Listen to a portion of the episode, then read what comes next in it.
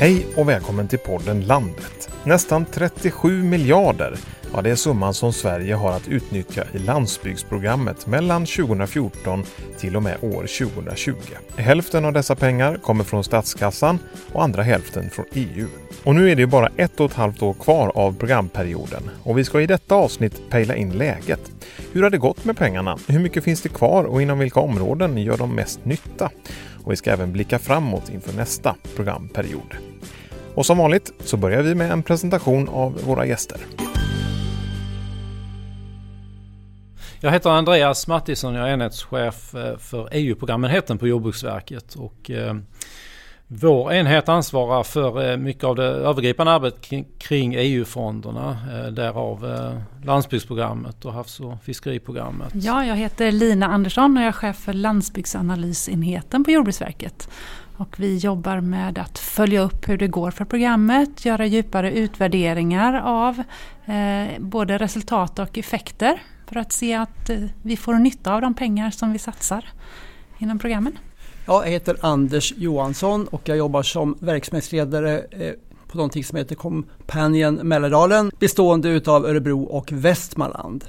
Vårt uppdrag är att, att, hjälpa människor som vill starta företag tillsammans och som drivs så kooperativt oavsett associationsform men vi ska också arbeta med lokal och regional utveckling och i mitt fall så handlar det mycket då om landsbygdsutveckling. Ja, men välkommen hit alla tre och jag tänkte börja med en fråga till dig Andreas. Landsbygdsprogrammet löper ju mellan 2014 till 2020 och målet eh, för programmet eh, ja, det är gemensamma för hela EU. Om vi börjar med att prata om målen, ja, vilka är de? De är lite olika beroende på vilka områden vi, vi eh, vi är inne och, och eh, gör insatser idag. Men, men, generellt kan man säga att, att landsbygdsprogrammet ska bidra till att de gröna näringarna får en stärkt konkurrenskraft. Det ska bidra till att vi får en bättre djurvälfärd, kortare livsmedelskedjor, en bättre miljö och förvaltning av våra naturresurser, bättre anpassning och mindre negativ påverkan på klimatet, energieffektivisering och att förutsättningarna att bo och verka på landsbygden blir så bra som möjligt. Och hur har de här målen kommit till? Har vi liksom själva kunnat anpassa dem till våra svenska behov? De här målen är bestämda på EU-nivå så där har ju Sverige haft en röst med att, att bestämma dem så att säga. Men det är ju en, en förhandling och en, ett resultat av alla medlemsländernas viljor. Och jag eh, tänkte på dig där Anders eh, Johansson, du är från företaget Companion. Eh, och du är en av alla intressenter och eh, landsbygdsutvecklare. Vad tycker du om, om dessa mål? Jag tycker målen är bra. De, de, eh, de kan vara komplicerade ibland eftersom de finns i samma program förstås. Därför att de, är, de, är inte, de, de, de verkar inte mot varandra men det, det är klart att det, de olika målen alltså kan ju ibland lite grann konkurrera med varandra. Men, men alltså målen är bra, de är, de är ju framtagna skulle jag säga i, i långa processer via olika system. Så jag tycker de är bra. Svarar de upp till våra svenska behov? Ja, det skulle jag säga. Sen är det ju hur man då tolkar mål och regler. Det är ju en annan sak. Men när man generellt så tycker jag att de gör det. Sen, sen kan man ibland önska att man skulle kunna vara lite mer snabbfotad därför att det händer ju saker i samhället som gör att, att, att man skulle behöva ändra och det, det är inte så lätt att göra un, un, under innevarande period. Det har jag varit med och diskuterat mycket med bland annat Andreas om då behoven av att ändra, att ändra snabbt och det är ju inte vi som styr så att säga helt och hållet över det. Kommentar på det Andreas? Ja, jag, tror, eh, jag tror absolut att landsbygdsprogrammet svarar upp mot de behoven som, som vi har i Sverige. Samtidigt så kan man inte förvänta sig att eh, de här pengarna kommer att styra utvecklingen. Utan de är ett incitament, de gör mycket nytta men det är många andra faktorer som påverkar hur den svenska landsbygden utvecklas. Det är alltifrån marknadens utveckling, ekonomin, eldsjälar och eh, företagande och annat som, som har, eh, skulle jag vilja säga, mycket mer betydelse för hur landsbygden utvecklas. Men vi kan göra en, en del från det offentliga hållet med de här pengarna. Och Lina Andersson, du jobbar på landsbygdsanalysenheten. Hur får vi koll på att målen nås och att vi får nytta för pengarna? Ja, vi satsar ju mycket tid och kraft på vår enhet på att just följa upp hur det går, följa pengarna, följa målen. Eh, vi gör eh, också djupare utvärderingar där vi också ofta tar hjälp av till exempel högskolor och universitet som hjälper oss att titta på effekterna av det vi gör ute i landet med hjälp av de här EU-pengarna. Eh, och det, vill man läsa om detta så finns det väldigt mycket på Jordbruksverkets webbsida. Och vi har även en blogg där man kan följa och se alla nya resultat som kommer ut. Programmen och pengarna ska ni följa då. Ja, men så bra, då har vi lite bättre koll på målen och hur de följs upp. Om vi nu ska titta lite närmare på hur det har gått med dessa 37 eh, miljarder. Eh, Andreas, hur mycket har man, har man använt hittills? Man kan väl säga att vi ligger ungefär i fas eh, för användningen av de här pengarna sett till programperiodens längd. Då, så att det är en bra bit över hälften av pengarna är, är igång i, i, i olika verksamheter. Och, och vad har pengarna använts till? Den stora delen av pengarna går ju faktiskt till, att, eh, till, till de gröna näringarna för att de ska förvalta vårt landskap på ett sätt som, som stämmer överens med miljömål och samhällsförväntningar. Det, det är väl där de stora pengarna går. Sen finns det mycket pengar till, till bredbandsinvesteringar och eh, Eh, Eh, till att försöka höja konkurrenskraften i de gröna näringarna för att eh, lokal utveckling, servicefrågor eh, och öka djurvälfärden. Men de stora pengarna går till att förvalta landskapet på ett miljövänligt sätt. Och eh, kommer alla pengarna att gå åt? Det är vårt mål att alla pengar ska göra nytta på landsbygden. Det, och eh, vi har lyckats bra med det tidigare. Det är en, en väldigt stor utmaning men vi är övertygade om att det kommer gå med, med och det är inte bara givetvis myndigheternas ansvar utan det är även de aktörerna som finns på landsbygden och verkar på landsbygden, företagen som, som vi måste ju givetvis söka de här pengarna och göra insatserna. Det är de som gör jobbet. Men jag är övertygad om att vi kommer nå ganska långt i alla fall. Vi som till exempel då sitter, vi, vi som är från organisationer och som också har, som jag nu har möjlighet att, att, att finnas med då i Landsbygdsnätverket. Vi har ju försökt då att vi tillsammans med, eh, med Jordbruksverket, det är ju det är ju så, då vill jag påstå, att eh, landsbygdsprogrammet i stort och även i vissa fall då LIDER har ute hos då projekt sökande inte, det är inte det bästa ryktet. Det anses att det är byråkratiskt och att, och, att, och att det är krångligt. Och då har det varit våran, inte minst min egen uppgift, att inom min egen organisation eh, försöka sprida en annan sanning. Att ja, det finns en byråkrati runt det hela, absolut, men det är inte omöjligt. Det är inte, inte omöjligt. Och där har vi kanske där skulle nog vi organisationerna ha behövt lagt ännu mera krut på att förmedla det. Är det för komplicerat, Andreas? Ja, det, det, kan man kanske ofta tycka. Jag tror i, i grund och botten så det här är ju pengar där det finns ett stort tryck och intresse givetvis eh, till sist och syvende från skattebetalarna att se till att de här pengarna används på ett bra sätt.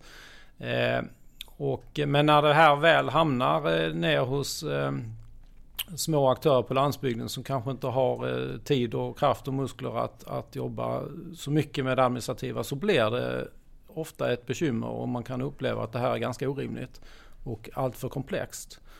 Och där har vi liksom en viktig roll tillsammans med andra organisationer också givetvis att, att, att, att hjälpa till att se till att det här, vi, vi måste göra det så smidigt som möjligt men ändå transparent och tydligt vad pengarna går till. Landsbygdsprogrammet är ju en av de så kallade pelarna i jordbrukspolitiken. Ehm, från ditt perspektiv eh, Andreas, eh, ser du att Sveriges jordbruksföretagare långsiktigt stärkt sin konkurrenskraft på grund av programmet? Ja, det, det ser jag och eh, det finns ju bland annat eh, olika investeringsstöd som, som lämnas till eh, jordbrukarna just för att de ska modernisera och stärka sin konkurrenskraft. Och jag tror de utvärderingarna vi har sett, så de tyder på att ja, produktivitet och konkurrenskraft och lönsamhet har förbättrats generellt sett eh, genom de här investeringarna. Så det tror jag absolut. Och Lina, du nickade? Ja, men jag håller helt med och eh, vi har ju inför denna programperioden satsat lite extra på innovationer och det är ännu tydligare att det är nya delar och det är ju sånt som vi ser behövs. Så både det stödet som finns för innovationsprojekt känns som en spännande utveckling som vi inte har fullt utvärderat ännu men där vi kan se positiva tendenser. Och sen har vi all kompetensutveckling som genomförs inom det här området de här resultaten, har de kunnat stärka måluppfyllelsen inom andra delar i EUs eh, jordbrukspolitik? Vi ser ju överlag väldigt mycket synergier mellan olika stöd. Mm. tittar vi på projekt och företagsstöden så följer vi alla som har fått stöd på olika sätt. Och där kan man se att de flesta bidrar till fler än en, ett av målen. Mm. Så att det ser vi absolut och tittar man inom klimatområdet så kan vi se att det finns särskilda klimatinsatser att göra. Men nästan alla stöd som vi har inom konkurrenskraft där det är fokus, de har också bidragit på olika sätt till klimat och miljöförbättrande delar. Och har landsbygdsprogrammet eh, gjort nytta för att skapa goda levnadsvillkor och sysselsättning i hela landet tycker ni? Det hoppas vi verkligen. Mm. Och eh, naturligtvis är ju bredband en sån del där det satsas väldigt mycket pengar och där eh, vi satsar de pengarna i områden där marknaden inte klarar av att själv utveckla bredband. Så det är ju naturligtvis en sån del. Sen har vi ju service som är en annan del där vi eh, kan ge både investeringsstöd till servicebutiker eh, och mackar och sånt som ligger ganska glest till. Och även nya typer av servicelösningar som jag tror blir än viktigare framöver när vi pratar digitalisering och hela den, det området. Ja, jag håller med. Jag tycker Lina har tagit upp eh, mycket av det viktiga här. Och sen även just, just lokalt ledd utveckling då som är då väldigt förutsättningsskapande och som finns eh, i stora delar av landet åtminstone då, som kan ha lokalt väldigt stor betydelse. För, både för att, att skapa eh, en attraktiv bygd så att säga, men också för i förlängningen då skapa jobb. Jag vill trycka på det förutsättningsskapande och så inom eh, LIDER eller lokalt ledd utveckling. För ibland fokuserar man mycket på jobben och att själva projekten ska skapa jobb. Kanske är inte det alltid det allra viktigaste utan det viktigaste är att ha de här förutsättningarna för att folk vill bo där. Och då visar ju även forskningen att vill folk bo och leva och verka på landsbygden, då skapas också jobben.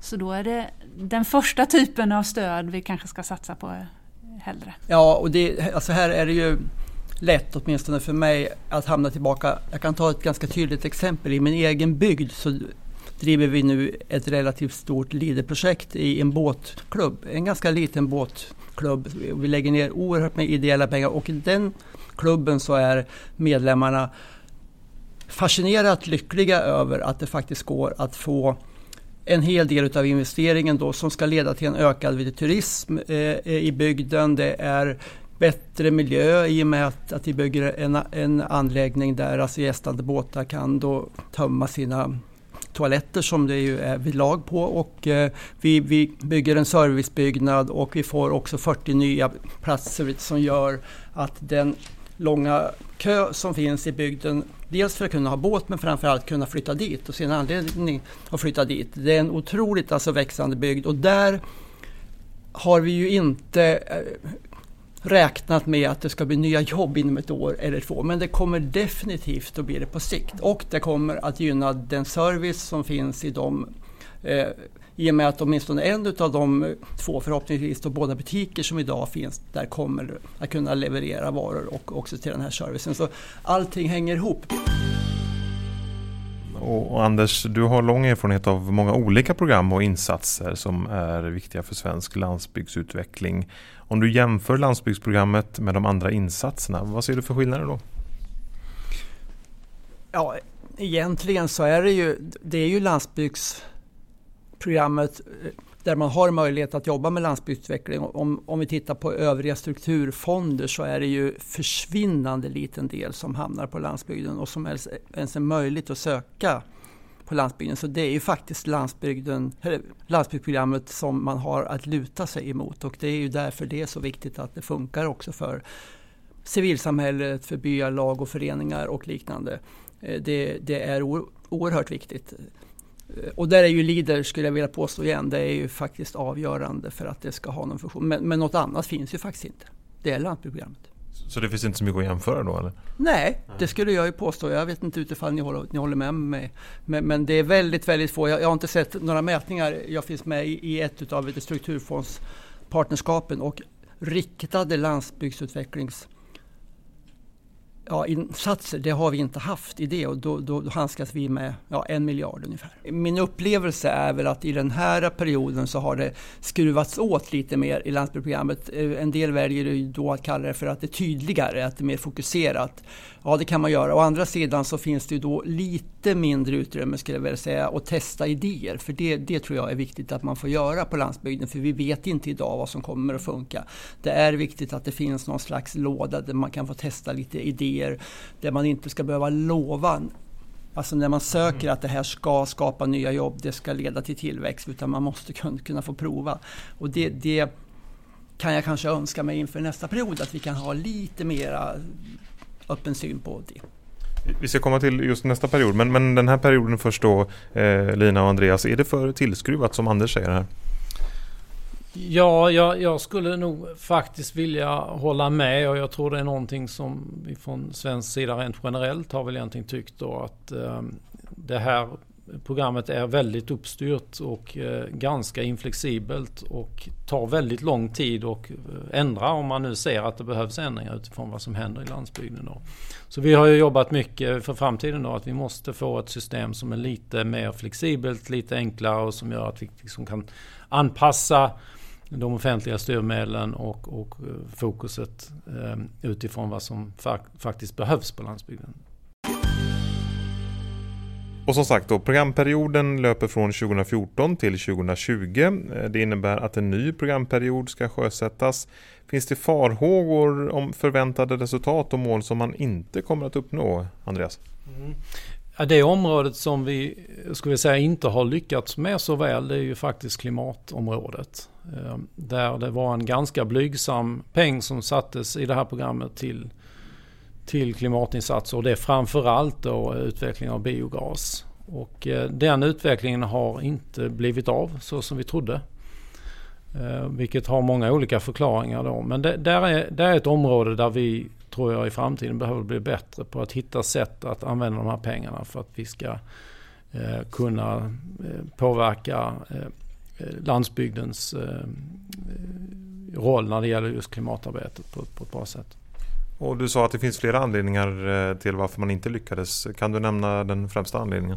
Jag skulle nog säga att den främsta anledningen är väl egentligen marknaden för, för biogas. Eh, att det, det, det, förutsättningar på marknaden är, ge, ger inte incitament tillräckligt för att, att sätta igång den typen av satsningar. Och då är man inte intresserad av stöden heller. Nej, men några andra delar som kanske har varit en utmaning det är väl energiskogsområdet som man också ser gör stor nytta för klimatet. Vi har också några investeringar för bättre miljö eh, som handlar om reglerbar dränering och tvåstegsdiken och den typen av miljöinvesteringar som vi inte heller har sett att man har sökt pengar för. Ja, energiskogen tror jag också handlar om marknaden. Däremot miljöinvesteringarna håller vi faktiskt på att titta på just nu, vad det är vi kan göra för att få en bättre upp, anslutning där. Eller? Ja, många av de här investeringarna som kanske är eh, väldigt spetsiga och kanske inriktade för, för, att nå vissa miljösyften, det är ju, det är ju eh, den typen av, av pengar som man ansökningar kommer inte in av sig självt utan man måste verkligen ut och, och jobba på, på gräsrotsnivå med, med företagen och, och, få förståelse och intresse för att, att eh, de ska vilja söka de här pengarna. Det kommer inte av sig självt. Och det är därför ofta det är lite svårt att, att få ett tryck i den typen av pengarna. Och 2021 då så kommer vi gå över i en ny programperiod. Eh, villkoren kommer att se annorlunda ut. Eh, kan ni be, kort beskriva skillnaderna? Eh, vilka de stora skillnaderna blir, det blir nog, beror ju naturligtvis mest på hur regeringen beslutar att sätta pengarna. Eh, sen hoppas vi ju att eh, stöden och ersättningarna inte ändras så mycket i innehåll. Utan där vill vi ha det förhållandevis stabilt, precis som Andreas pratade om innan. Ja, jag skulle nog vilja säga att eh, det finns fortfarande mycket frågetecken kring hur det kommer att bli. Men det, man kan väl säga att det finns förutsättningar ändå för att, att den här politiken, eh, att man inte kommer märka några gigantiska skillnader ute hos våra målgrupper.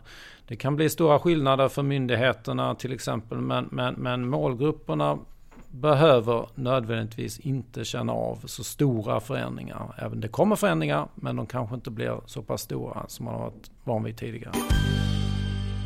Avslutningsvis, om ni om tio år ska berätta om den absolut största nyttan med landsbygdsprogrammet eh, denna period. Anders, om vi börjar med dig, vad, vad skulle du säga då?